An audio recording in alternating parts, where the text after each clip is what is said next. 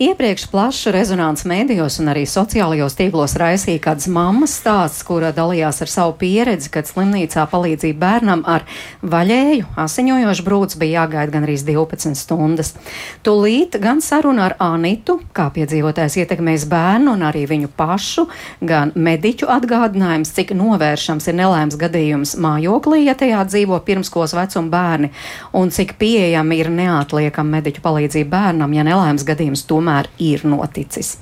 Raidījuma producents Armīti Kolāte, man sauc Mērķis Noteņu, un studijā es sveicinu. Uh, divas bērnu klīniskās universitātes slimnīcas pārstāves, uh, neatliekamās medicīniskās palīdzības un observācijas nodaļas pediatri Zandu Puķuku. Labdien! Un labdien arī virsārstei Renātei Snipei. Labdien! Ģimenes ārstēji Olainas novadā Līgai Soidai. Labdien! Un uh, pa tālruni arī neatliekamās medicīniskās palīdzības dienesta operatīvā vadības centra vadītājai Raitai Krišjānai. Labdien arī jums! Labdien!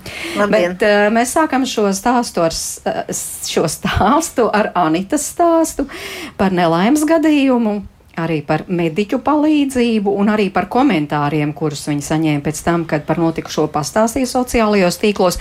Un piebildīšu, cietušajam bērnam oktobrī būs trīs gadi, bet jaunākais septembrī būs divgadnieks, un nelaimes brīdī mājās bija Anita ar abiem bērniem. Klausāmies!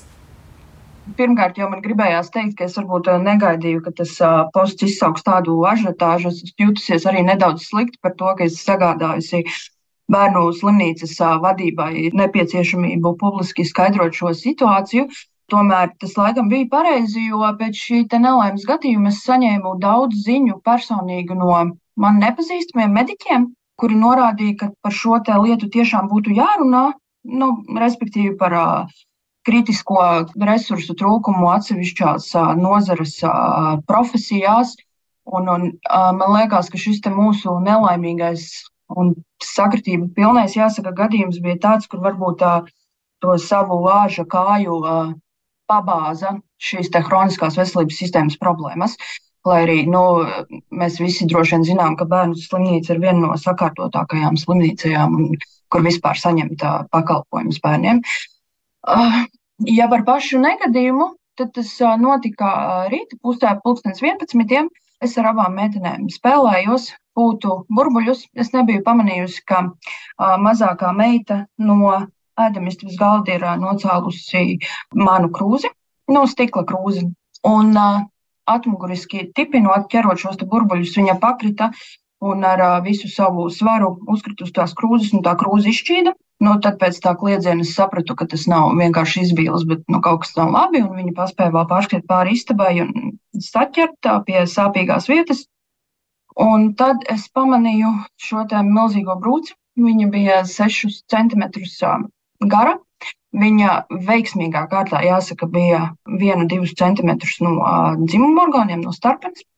Tad es šo brūci aizspiedu, operatīvi ciet, zvanīju ātrai palīdzībai paralēli, mēģinot atturēt no stiklu atklāšanas jaunāko meitu operatīvi ieradās ātrā palīdzība. Man tiešām likās, ka tas ir burtiski pāris minūšu jautājums, jo mēs dzīvojam tuvu. Tad ar šo ātrā palīdzību mēs tikām nogādāti Rīgā, tika atsāpināta ātrajā palīdzībā arī nu, veikta tā pirmā pārsiešana, lai apturētu asiņošanu. Principā viņa mašīnā neasiņoja. Tad mēs nonācām slimnīcā. Mēs bijām tajā kategorijā, kas ir jāapskata līdz stundai, respektīvi tajā kategorijā, ka dzīvība nav apdraudēta, bet varbūt sarežģījumi. Ārsts mūs apskatīja ātri. Tas, kas tur atklājās, bija, ka ir vēl viena griezta brūce, kura deva par sevi zīmju, sākot asiņot. Viņa jau bija tādā lokācijā, kurai grūti piekļūt, un kur arī es sākotnēji nevarēju pamanīt. Tad ārsts ātri nolēma, ka tā ir operācija vispārējā narkozē. Nu, jā, un tad būtībā sākās šis gaidīšanas laiks. Tās 12 stundas. Uh, Nu, un šajā gaidīšanas laikā mēs saņēmām visu to palīdzību, neatliekamo, kas šādos gadījumos ir paredzēta. Intravenāzie šķīdumi, atsāpināšana, pārsiešana. Un, nu, principā par mums turēja rūpi visu laiku. Viņi darīja visu, ko var. Viņi man sniedz arī šo psiholoģisko atbalstu. Es domāju, ka lielā mērā tas veicināja to, ka es tur bija ļoti savaldīga un uh, personāla virzienā neizteicu nevienu pārmetumu. Jā, nu, tas uh, kritiskais punkts droši vien bija, kad es ieraudzīju, kā šīs brūces ir pamainījušas savu izskatu pēc astoņām stundām. Un, nu, viņas vienkārši izskatījās nu, tā, ka ne visiem vecākiem būtu viegli kaut ko tādu redzēt. Un tas bija jā, tas krīzes punkts, kad pēc tam astoņām stundām nebija jau vairs tās pārliecības, kad mums paņems, cik stundas vēl paies. Tad mums tika dota ziņa, ka tuvākajā laikā varētu atbrīvoties operāciju zāle tas arī notika. Jāsaka, ka arī nu, gan pirms, gan pēc tās operācijas mēs saņēmām tiešām ekstra rūpes. Nu, es jūtu tiešām arī cilvēciski līdzjūtīgu attieksmi un arī vienlaikus ar tādu augstu profesionalitāti, kas deva to sajūtu, ka neskatoties uz visu to trauksmaino dienu, kas nebija viegli ne personālam, ne man un ne bērnam, ka mēs esam drošās rokās. Jā, tā kā es domāju, ka tas beidzās iespējami labākajā variantā, bet nu, tās 12 stundas, protams, tajā situācijā bija daudz par daudz. Lai vai cik vecāks ir savaldīgs vai racionāls, viņam tomēr raisās dažādi jautājumi galvā, redzot to situāciju uz vietas. Bet sakiet, kā ar meitiņu? Es saprotu, fiziski viss kārtībā, emocionāli. Viņa ir tikusi tam pāri. Viņa ir fiziski aktīva, jūtās ļoti labi. Tā kā šobrīd tā lielākā atmiņu nasta ir vairāk vecākiem. Šobrīd uz mana galda neatrodas neviena stikla krūze nekādos apstākļos. Būtībā mani uztrauc pat līdzena grīda. Un tā iekšējā sajūta šobrīd man ir tāda, ka es ļoti sargāju, man ir ļoti bail, ka kaut kas līdzīgs varētu notikt, jo šis nelaimes gadījums ir tāds, kuru es nevarētu iepriekš iedomāties un paredzēt, ka kaut kas tāds var notikt. Bet nu, es esmu tiešām laimīga un, un pateicīga gan bērnu slimnīcai, gan visticamāk arī augstākajiem spēkiem, ka tas ir stāsts ar laimīgām beigām, bet ar varbūt skarbām mācībām.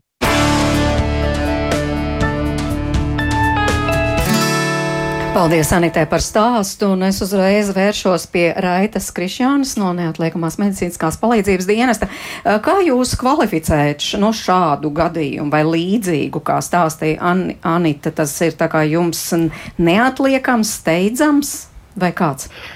Jā, nu, tas, ko es gribu atgādināt, un par ko jau mēs esam arī kā dienas runājuši, arī noteikti citā form, citādos formātos, kad uh, uz notikumiem, kur ir, dzīvi, kur ir dzīvības apdraudējums, tur arī šie te, um, nu, zvani un, un informācija tiek klasificēta kā visaugstākā vai augsta prioritāte. Un, uh, Neatliekamās palīdzības brigāde uz šādiem gadījumiem tiek uh, nosūtīta. Nu, tās ir bezpamaņas, tās ir uh, elpošanas problēmas, tās ir smagas traumas. Uh, spēcīga asiņošana, nu, tā tad, jā, kur visur ir dzīvības apdraudējums. Tur arī tiek uh, brigādes nosūtītas. Cik ilgā laikā šādos gadījumos jums jāierodas notikuma vietā? To nosaka ministra kabineta noteikumi.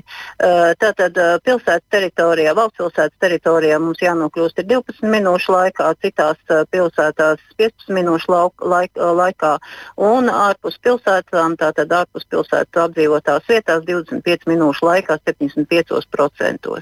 Bet bērns tā ir īpaša prioritāte vai tam nav? nozīme? Nu, bērns, protams, tīri emocionāli ir, ir, ir nu, tāda īpaša prioritāte.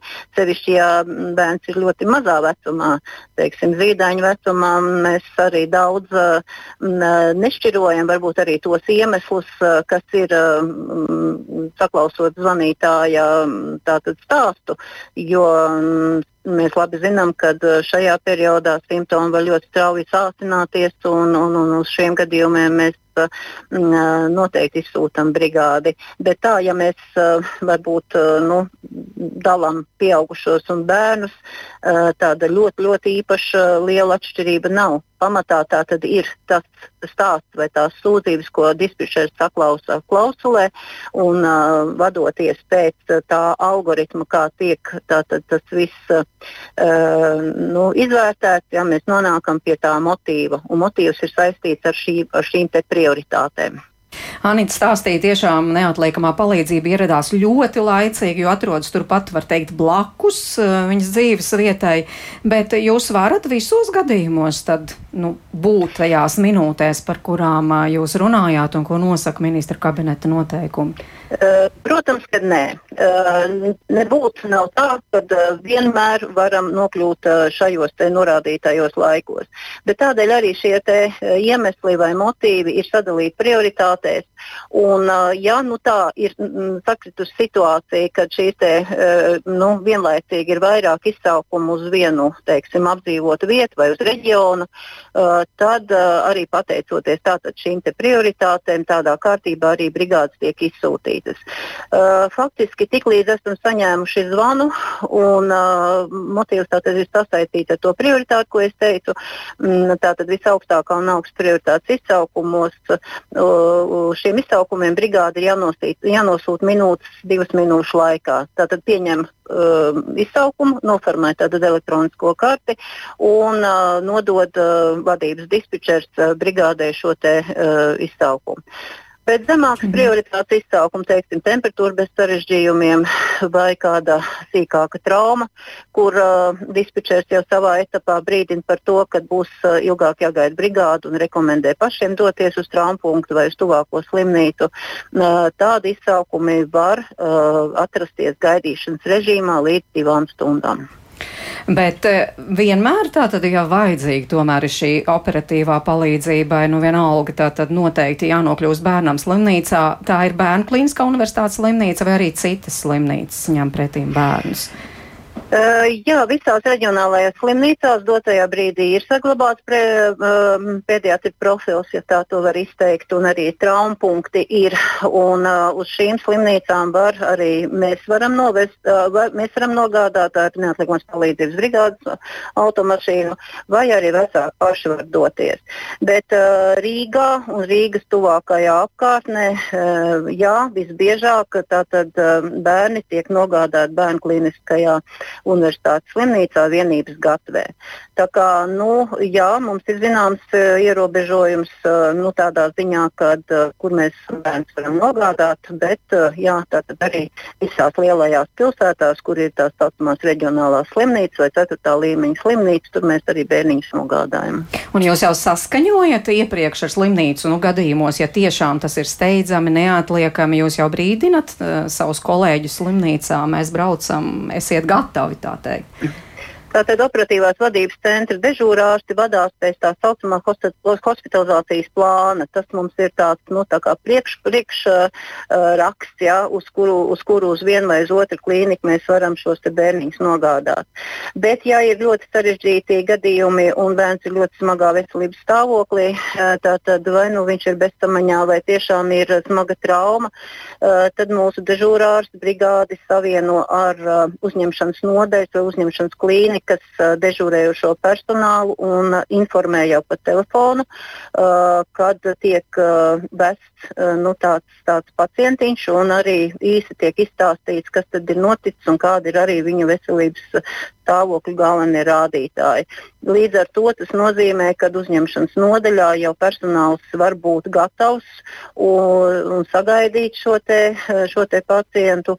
Un arī orientējoši tā tad varam pateikt, nu, cik ilgā laikā vai cik, cik, cik tuvā laikā mēs ieradīsimies.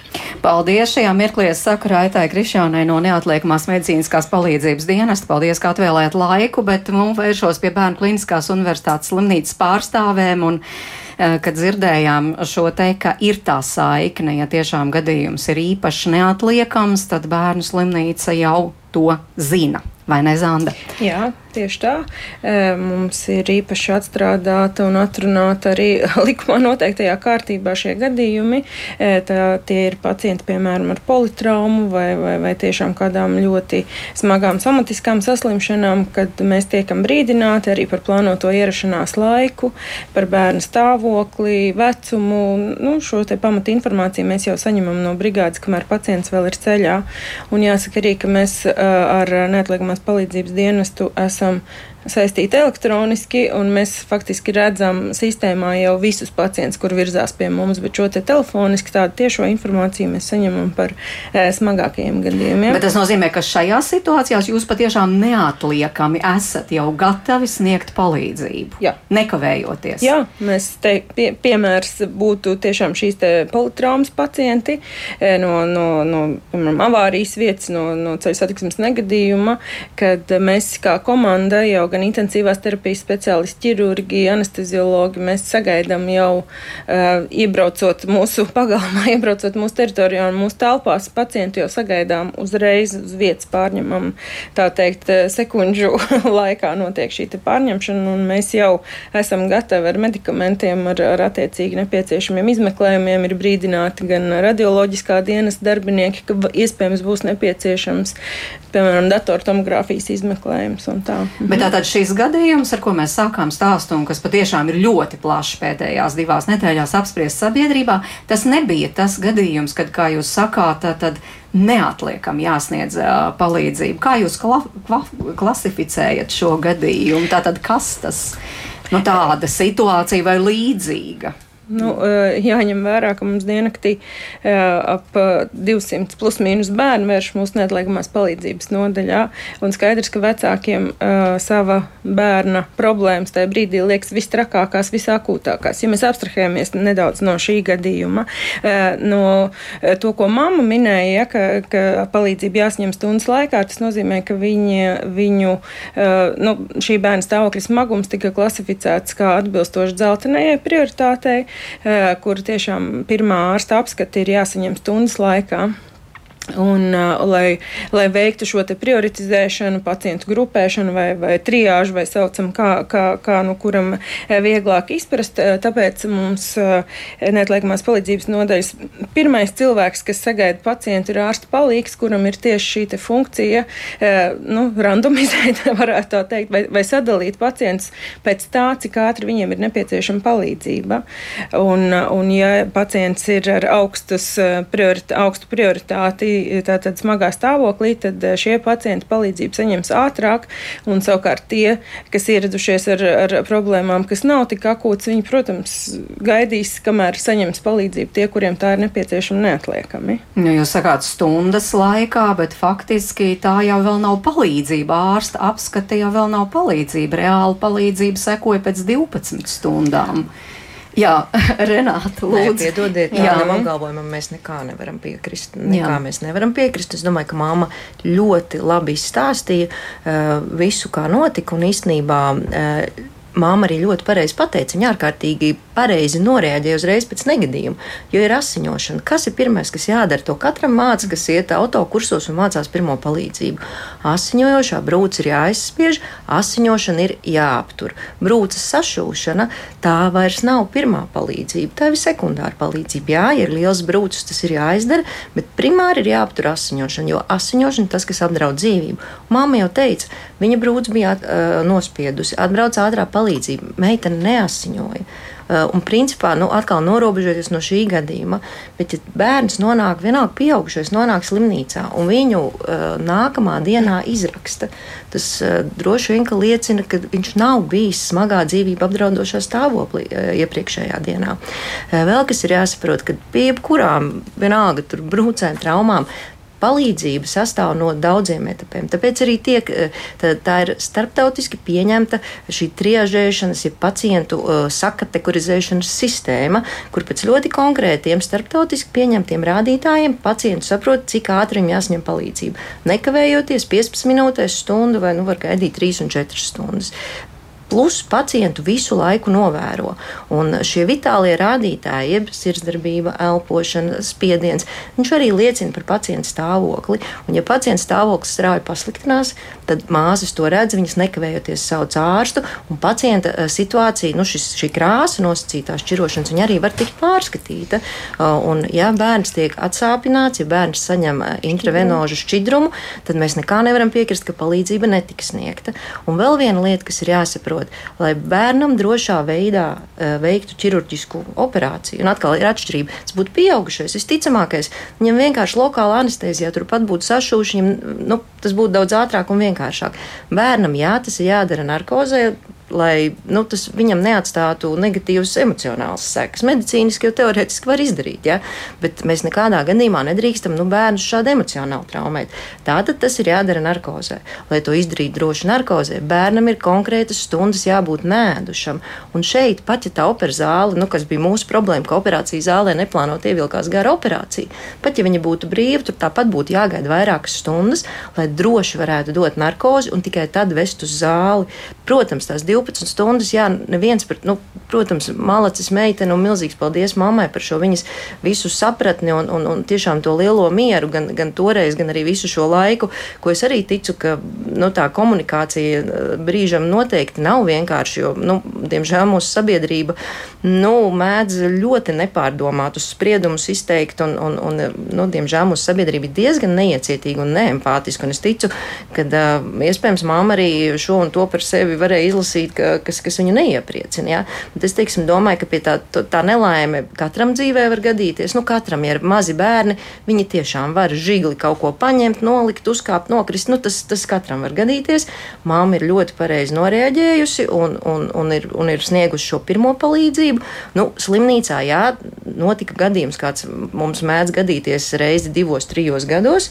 Uh, tiešām milzīgs sastrēgums un, un, un nu, lietas notika tā, kā notika bet bērnam ir palīdzēts, bērna veselība nav apdraudēta, un, un es ļoti ceru, kad, eh, nu, ka šīs arī kaut kādas emocionālās lietas, kad viņi gana maziņi, viņi to aizmirsīs, un, un, un, kad, nu, un tas gaidīšanas, jā, nu, gaidīšana ir briesmīgi, tīpaši visu laiku liekas, tūlīt būs, tūlīt būs, un nav, nu, es piekrītu, gaidīšana visiem ir grūta, nu, gan slimnīcā, gan neslimnīcā, jā, gaidīt ir grūti. Nu, tā kā varētu teikt, tiešām mediķi visos gadījumos tur rokas pulsu, un tas vairāk tiešām ir emocionāli grūti vecākiem, ka tieši ar tavu bērnu ir notikusi nelaime. Un ka tu redzi, ja, ka, ka nu, pieņemsim asiņošanu. Tas tā kā vairāk ir emocionāli grūti. Asiņošana bija apturēta. Jā, nu jā. Un arī e, šis vārds observācijas nodaļa tieši to arī nozīmē novērošanas nodaļa, ja, kurā pacienti var atrasties vairākas stundas ciešā mediķu uzraudzībā.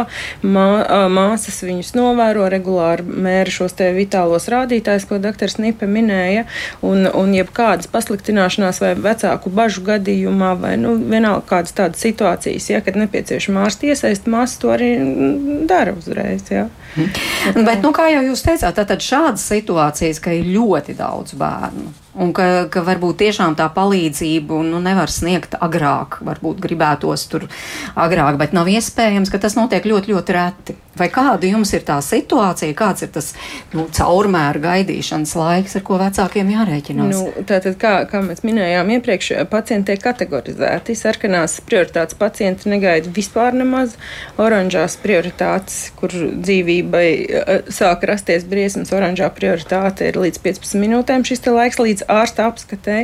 Un uh, tad ir šī zeltainā prioritāte, kur uh, definēta starptautiski arī laiks ir jā, tiešām ir līdz stundai, līdz ārsta apskatē. Uh, Un, ko, ko, ko es gribu pieminēt, ka mūsu lielo pacientu plūsmu faktiski nenosaka šīs augstās prioritātes pacienti. Mums vairāk kā puse, tuvāk 70% ir pacienti ar absolūti zemākajām prioritātēm, zaļo un balto, kuru stāvoklis nav, veselības stāvoklis nav briesmās, nav plānojama arī tāda nu, krasa pasliktināšanās tuvākajā laikā. Ja? Un, un, un tie iespējams arī ir tie pacienti, kas vairāk ir neapmierināti ar šo gaidīšanu gaidīšanu, jo bērniņi ir relatīvi nu, veseli, jūtas labi. Viņiem, protams, ir grūtāk gaidīt.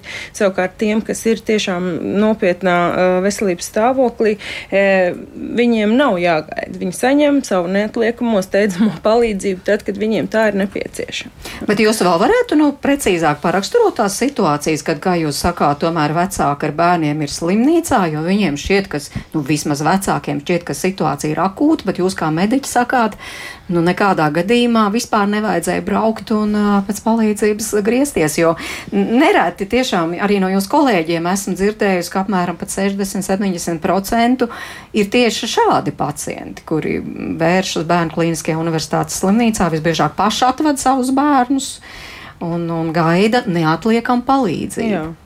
Nu, pirmais, laikam, vistipiskākais ir temperatūras paaugstināšanās. Mūsu sabiedrība ir ļoti bailīga no drudža, jeb no paaugstinātas temperatūras, un, un, un šie argumenti, ko vecāki stāsta, ir nu, neiztur kritiku, teiksim tā, jā, par, par, par to, kāds uh, permanents bojājums var attīstīties bērnam, ja šī te temperatūra pārsniedz 39 grādus.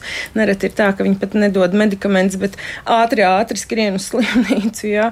E, nu, tā, tā, tas, tā noteikti tā ir viena no biežākajām lietām, kas, nu, kam nav jānonāk slimnīcā, īpaši, ja tā ir pirmā saslimšanas diena.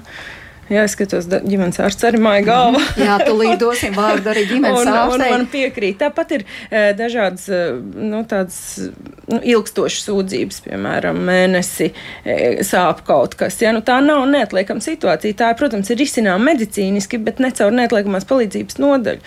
Tam ir, ir, ir citi resursi gan bērnu slimnīcā, gan ne tikai bērnu slimnīcā, kur var saņemt vairāk plānveidu vai arī pirmās nu, 24 stundu laikā šo palīdzību. Jā. Bet tā nav neatliekamās palīdzības nodaļas kompetence risināt šīs ilgstošās lietas. Ja?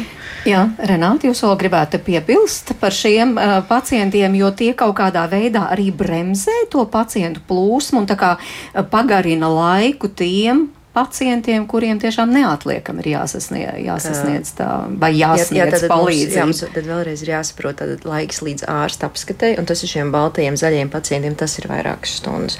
Un cita lieta, ka ir jau šie augstāks prioritātes pacienti, kurus ārsts ir apskatījis, un viņi jau tālāk šajā observācijas nodaļā var būt līdz 24 stundām.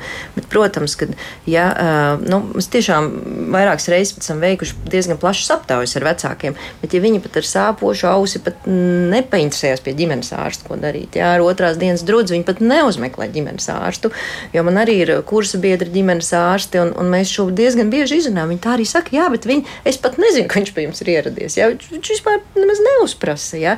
Tā kā man šķiet, ka tas ir pirmais, ka mums ir jāveido šī ļoti lielā sapratne pirmkārt starp ģimenes ārstu un pacientu, un man kā pacientam ir jāapzinās, ka mans vistuvākais ārsts ir mans ģimenes ārsts, un tālāk jau kaut kādas lietas es daru tad, kad mans ģimenes ārsts teica, nu šeit es tev tomēr nevaru nevarēšu palīdzēt, tad no ej tur tālāk. Ja? Protams, jā, mēs nenām kādām akūtām traumām. Jā, nu, piemēram, bērns ir nokritis, salauzis roku kāju, nu, tu, ko, nu, protams, ka ģimenes ārsts nevar palīdzēt. Jā, tad, protams, nu, kad, kad uh, ir jābrauc uz, uz tuvāko vietu, jā, kur ir nu, šis nosacītais traumas, kur ir rengens, kur ir ķirurgs, kur, kur var sniegt šādu veidu palīdzību. Otra lieta, kas man šķiet ļoti, ļoti svarīga, ja bērniņš ienāk uh, ģimenē, tad tiešām izrunāt jau elementārās lietas, kas katram var dzīvē gadīties. Ko darīt ar caurē, ko darīt ar drūdzes, elementāriem pamatmedicinām medikamentiem ir jābūt mājās. Mums ir bērnu slimnīcas, nu, šī ekosistēmas daļa, vesela pasaule LV, kur mēs arī esam sarakstījuši ļoti plašus padomus, kā rīkoties, kādi ir sarkanā karoga simptomi, ka līdz kuram brīdim var gaidīt, un kad viss tas ir sarkanais karogs, ir jāvēršās pie ārsta. Un ko mēs arī diezgan bieži redzam, ka ja ģimenē tas ir otrais, trešais bērniņš, ir jau pieredze, tad ar mammu jau zina, pa šito var neuztraukties, jā, ar šito mēs pāris dienās paši tiksim galā, bet, protams, ka tā trauksme ir mazāka un pirmo bērnu bērniņi ir lielāki.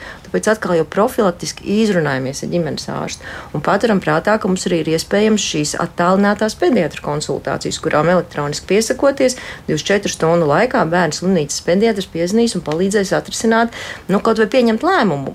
Pietiek, nezinu, iedzert antipirētiķu, vairāk uzņemt šķidrumu, vai varbūt tiešām tur jau ir kaut kāds sarkanā karoga simptoms, un varbūt tiešām ir jau jābrauc uz slimnīcu.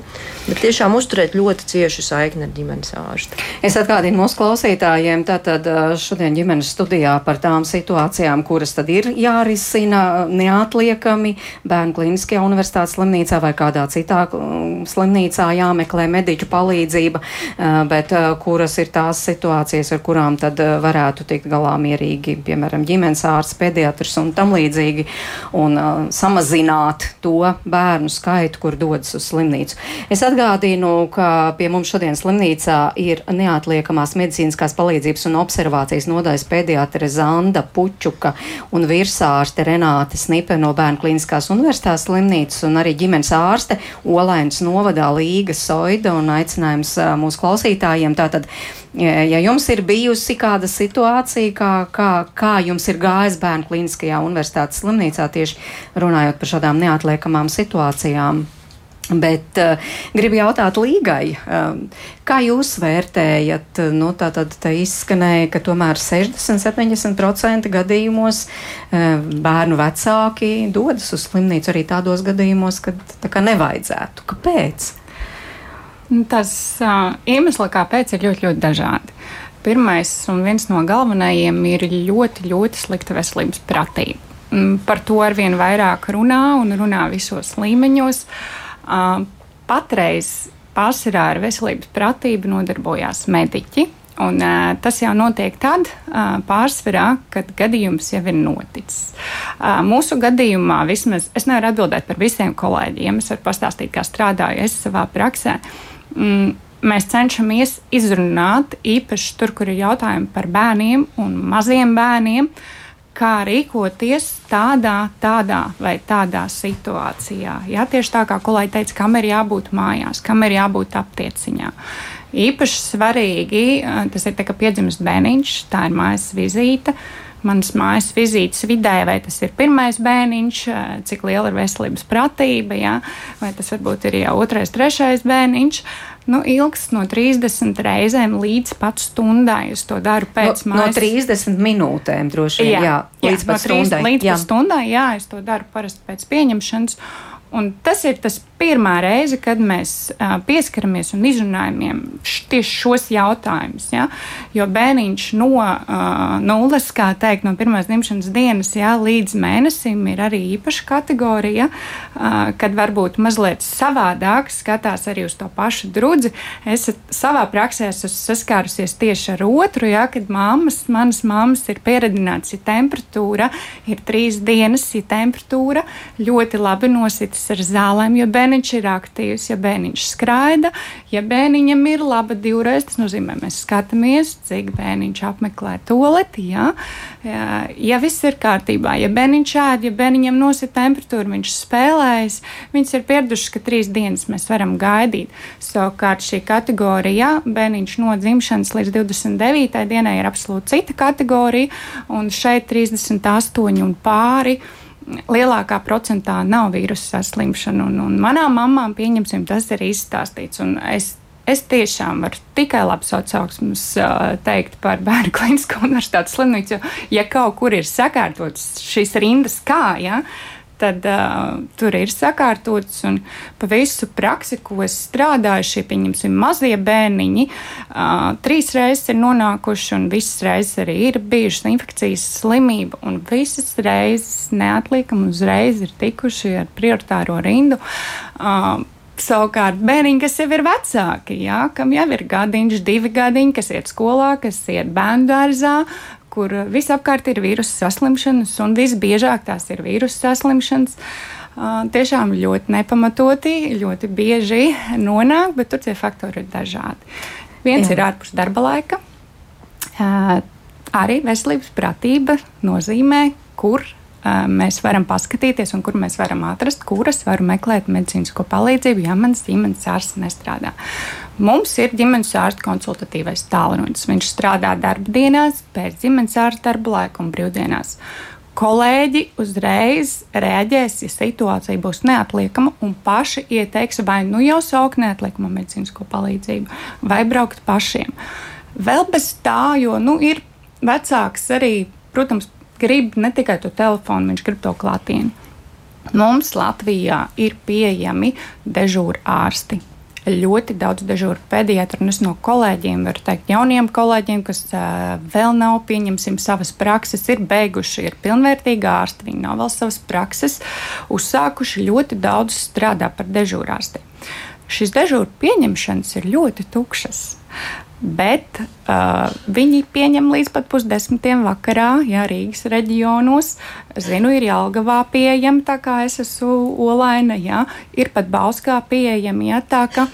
Uh, palīdzību var atrast, ja zina, kur viņu meklēt. Droši vien tā uzticēšanās varbūt slimnīcas ārstiem ir lielāka nekā, piemēram, dežūra ārstam, nepazīstamam. Es tiešām nezinu, bet eh, tātad pirmkārt jums ir laiks, kā jūs sakāt, arī vizītes laikā, pieņemsim šos jautājumus izrunāt, kas savā ziņā būtu nu, tādi kā profilaktiski vai domājot uz priekšu. Nu, šis laiks, ko es nosaucu, tas, protams, ir pirmās vizītes laiks. Laiks ir ļoti maz ģimenes ārsti, arī ļoti, ļoti pārslogoti. Ļoti, ļoti, manuprāt, visos medicīnas līmeņos trūkst vidējā personāla. Nevienmēr arī pacients, ja viņš nebūs zīdainīts līdz gadu vecumam, tūlītās uz pirmo telefonu zvanu varēs sasniegt mani, jo es arī pieņemu tajā brīdī iespējams arī smagus pacientus. Ja? Un tas pirmais, ar ko viņš saskarsies, būs vai nu medicīnas māsa vai ārsta palīgs. Manā praksē ir sakārtots, ka arī man ir divi ārsti palīgi vēl no Covid laika. Es kaut valsts, diemžēl, vairs neatmaksā. Es nespēju vairs strādāt ar mazāk darbiniekiem. Un paralēli man akūtos pacientus manā praksē pieņem ārsta palīgs.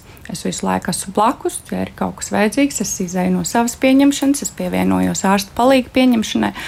Bet tur, kur nav akūta situācija, tur, kur tiešām mēs varam atrisināt, mēs arī risinām. Jautājums tiešām, vai pacients vēršas. Mm -hmm. Un lielākais, ko es teikšu, kāpēc, ļoti bieži pazvana.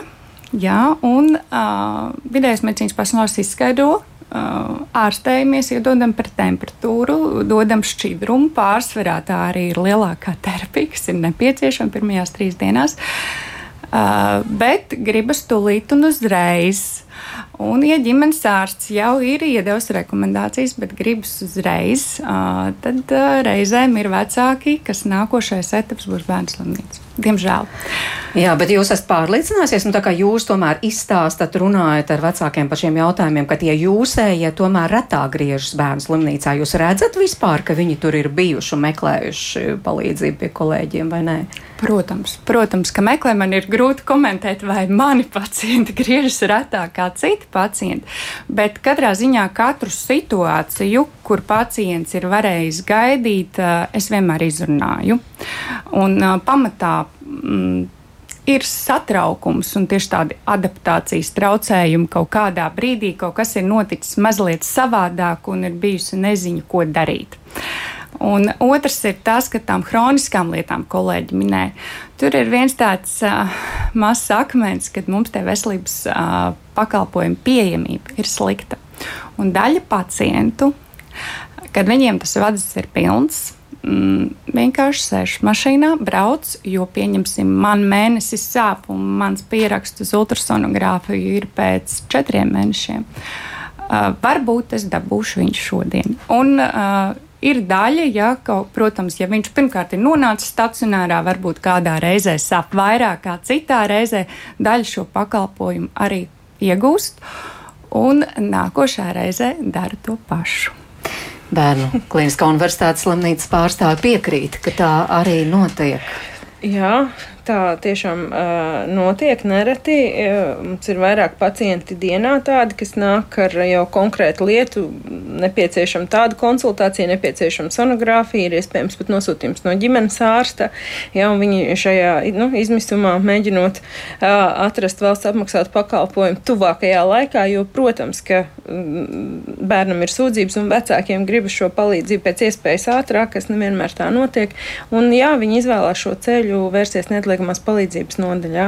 Nu, tad, tad nu, ļoti, tur katra situācija īstenībā ir ļoti atšķirīga. Jā, ir reizes, kad tiešām mēs saprotam, ka šis pakalpojums pienāktos, un, un mēs arī to nodrošinām vai ierakstām savās prioritātes rindās, nu, lai pātrinātu pakalpojumu saņemšanu. Ir, ir tā, ka mēs palīdzam šiem bērniem un tiešām uh, tieši tajā dienā, kad viņi ir vērsušies pie mums, uh, darām, bet tā, tā nav panacēja un tā, tā nenotiek visiem, ja, kas ir man vajag to, to un to. Nē, tā nenotiek. Mm. Tas notiek pēc ļoti skrupulozas izvērtēšanas, sazināšanās ar speciālistiem, un, un, un tad tiek veikts attiecīgi tālākās darbības. Jau, tā nu, kā... bet savā ziņā tas tomēr rezultāts tam, ko teica arī Anīta sākumā, kur arī viņi saņēma komentāros pēc tam no, no pašiem mediķiem, nu, ka trūks speciālistu, un tas arī lūk veido to situāciju. Mums, piemēram, arī klausītāji interaksta. Ārsti paši ir ieteikuši izsaukt ātro palīdzību, lai tiktu pie pilnas izmeklēšanas, jo ir ļoti garas rindas pie speciālistiem. Nu, Tālūk, tāpēc arī braucam uz slimnīcu. Es medicīnu, domāju, jā. jā, tas noteikti nebūs par bērniem. Nu, nu, diezinu, vai. Mm. Jo, jo ko nu gan mēs gribētu pateikt, ka uh, bērnu medicīna no pieaugušo medicīnas atšķirās kā diena pret nakti. Es, uh, nu, man ir gana daudz draugu pieaugušo medicīnā, es viņos paklausos, sapratu, mēs vienkārši savā bērnu slimnīcā dzīvojam rozā mākoņos vienradžiem. Nu, mums nu, tiešām tā pieejamība salīdzinot ar pieaugušo medicīnu ir daudz labāka. Mums praktiski nav maksas medicīnas īpatsvara, un, nu, teiksim, onkoloģija ir zaļais koridors. Bērnu slimnīcā tas vispār nav vajadzīgs, tādēļ, ka ir kaut mazāk aizdoma bērnam par onkoloģiju.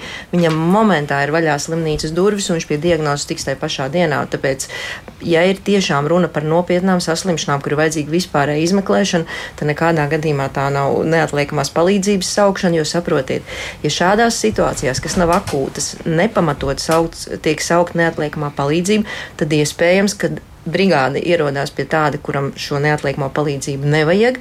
Ap stūri ir notikusi autoavārija, un tur cilvēks aiziet bojā, tāpēc ka NMPD ir bijis vietā, kur viņa nebija jāsauc. Tā kā šo mēs nekādā gadījumā apgalvojam, nevaram atbalstīt un nevaram tam piekrist. Īvīta mums rakstā, acīm redzot, desmit gados nekas nav mainījies, jo, jo jau piekdien vairums ārstu Bērnu Kliniskajā universitātes slimnīcā, īpaši mikroķirurgu, beidz darbu pusdienas laikā. Nu, un tad paliek tikai praktikanti, kuri pa 10-15 cm grieztas brūces sašošanu ir ieinteresēti lietot vispārīgo narkozi, jo par to vairāk maksā. Nu, lūk, nu nezinu, tiešām, cik, cik, cik šis stāsts ir reāls. Mēs nevaram viņu nokomentēt. Es īsti nesaprotu, kādā sakarā tiek pieminēts mikroķirurgs. Un, ja, Varbūt tā ir. Nezinu, par ko ir pieredze. Nezinu, par klausītāju. Varbūt bērnu par mikroķirurgu. Jā, bet, bet katrā gadījumā ir jāsaprot arī tas, ka. Uh, bērniem uh, nav jācieš. Un šobrīd ļoti daudz ko mums bērnībā darīja vispār bez atsāpināšanas.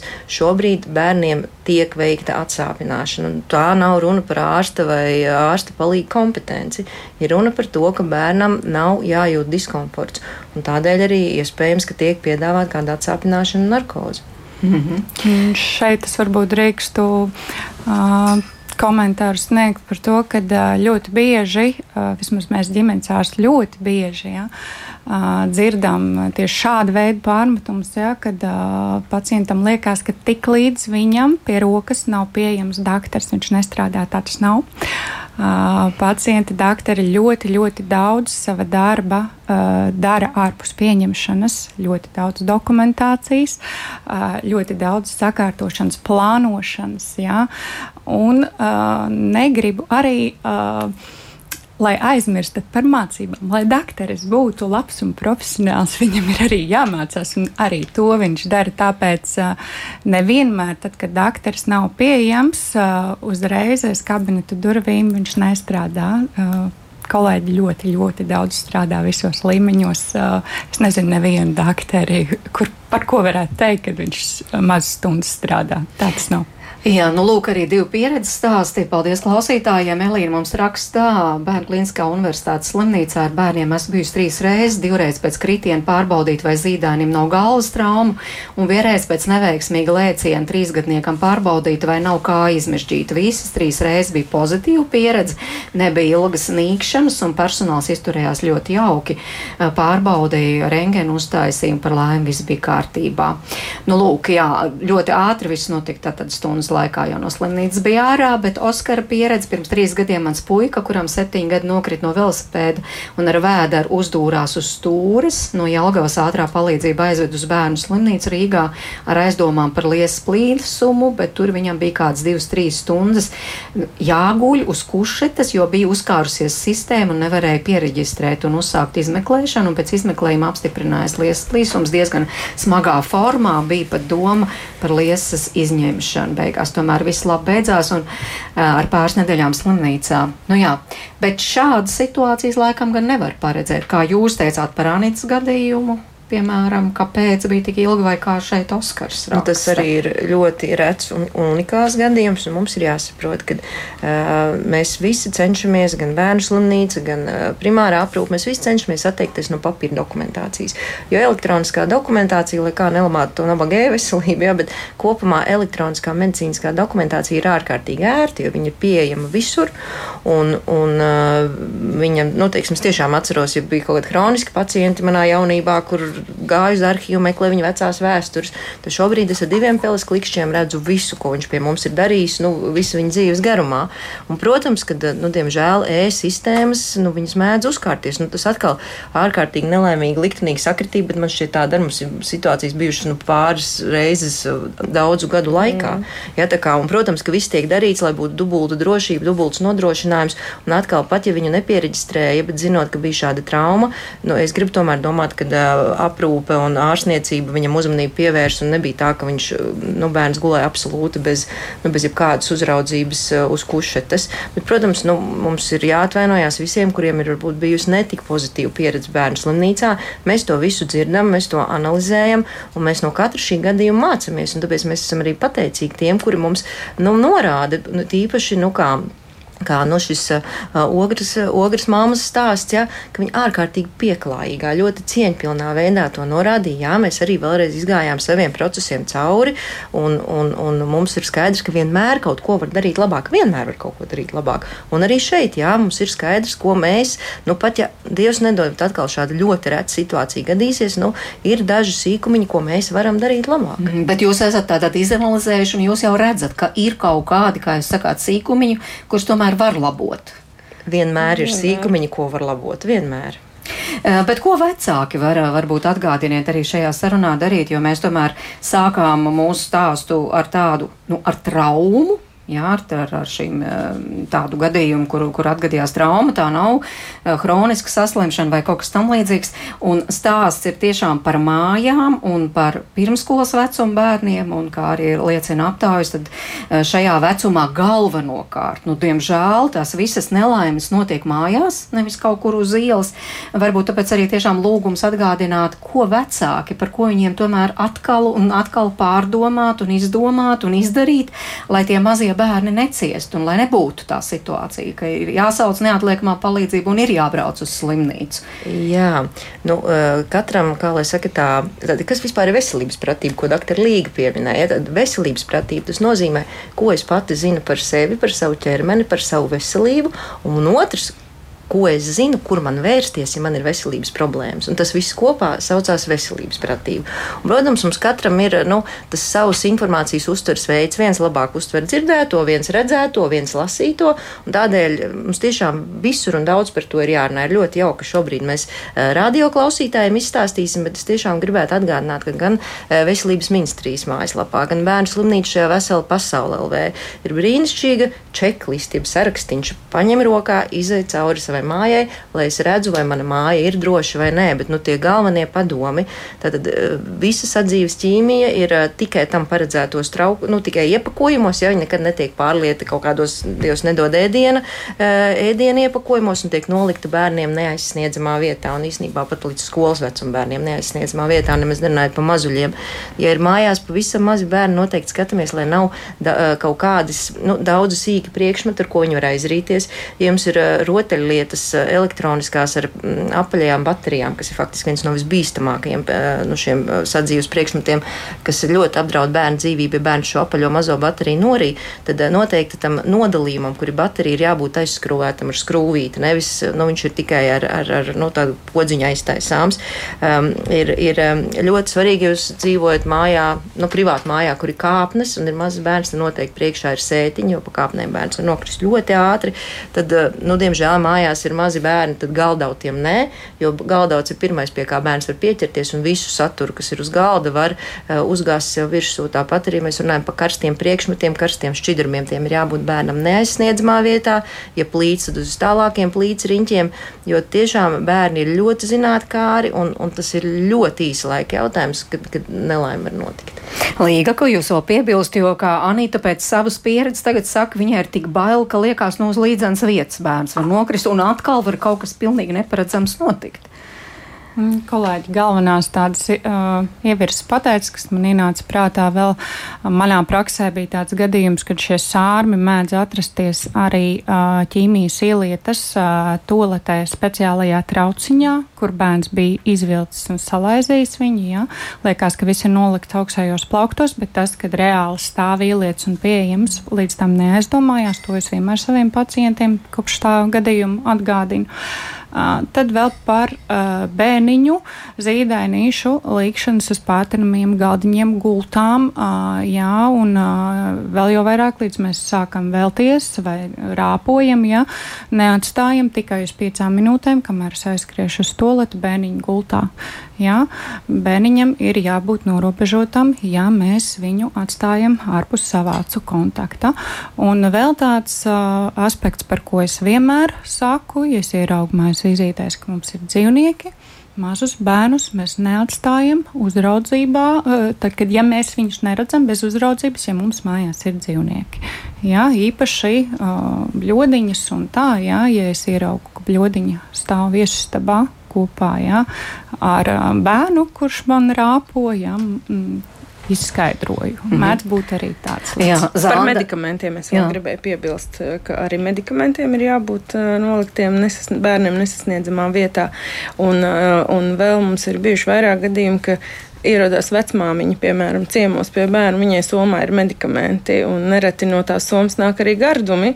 Un bērns rēķinās, ka šajā somā ir tikai labas lietas, jā, un, un izrādās, ka tur ir medikamenti. Tā, tā, jo tā, tie īpaši tiešām kaut vai par augstu asinsspiedienu lietojamie medikamenti ir viena no tiem, kas, kas bērnam var radīt dzīvībai bīstamu situāciju. Jā, un jūs pavisam citādi noteikti uz šīm lietām raugāties, jo to jau atgādina, atgādina, un reizēm viss tā plūst, plūst gar ausīm, bet jūs redzat tās sekas, ka tas patiešām ir nopietni. Jā.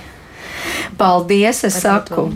Pēdējo, jā, jā, jā, varbūt vēl mazu īsu pēdējo, kas arī faktiski ir tāda viena no veselības pratības pazīmēm. Piemēram, Skandināvijā vecākiem viņi ir, viņi zina, ka viņi aizbrauks uz neatliekamo palīdzību, viņi tiks triežēti un būs jāgaida. Un tāpēc viņiem līdzi ir kaut kas ēdams, plediņš, rotaļlietas. Tā kā vienkārši Viņi ir gatavi tam, un, un viņi par to nebrīnās. Un mēs arī saprotam, ka tā gaidīšana, nu, īpaši tu nezini, cik jāgaida dzēna izmisumā. Tādēļ mums ir ļoti jauki brīvprātīgie, kuri nāk palīdzīgā ārstiem, māsām, un kuri tiešām palīdz vecākiem arī skaidrojot, nu, kāpēc kaut kas tagad notiek vai nenotiek. Un, kā, ja kāds sevi jūt aicinājumu kļūt par brīvprātīgo bērnu slimnīcas neatliekamā palīdzībā, tad mēs tiešām arī jūs laipni gaidām.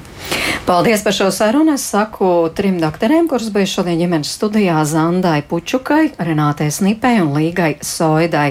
Radījumu producents Armīta Kolāte pie skaņu pulci ved zvejnieces Mērits Notiņa pie mikrofona un aicinu uz tikšanos atkal rīt 5 minūtes pār diviem. Mēs runāsim par projektu Skola 2030. Daudz jau par to runāts, bet vasarā paši skola absolventi rakstīja tādu atklātu vēstuli dažādām amatpersonām, norādot, kas tad šajā uh, projektā neiet, ko vajadzētu uzlabot, nu, vai tas ir ņemts vērā vai par to tiek domāts šajā mācību gadā. Par to mēs runāsim rīt. Un paldies, ka klausījāties šodien. Lai jums laba diena!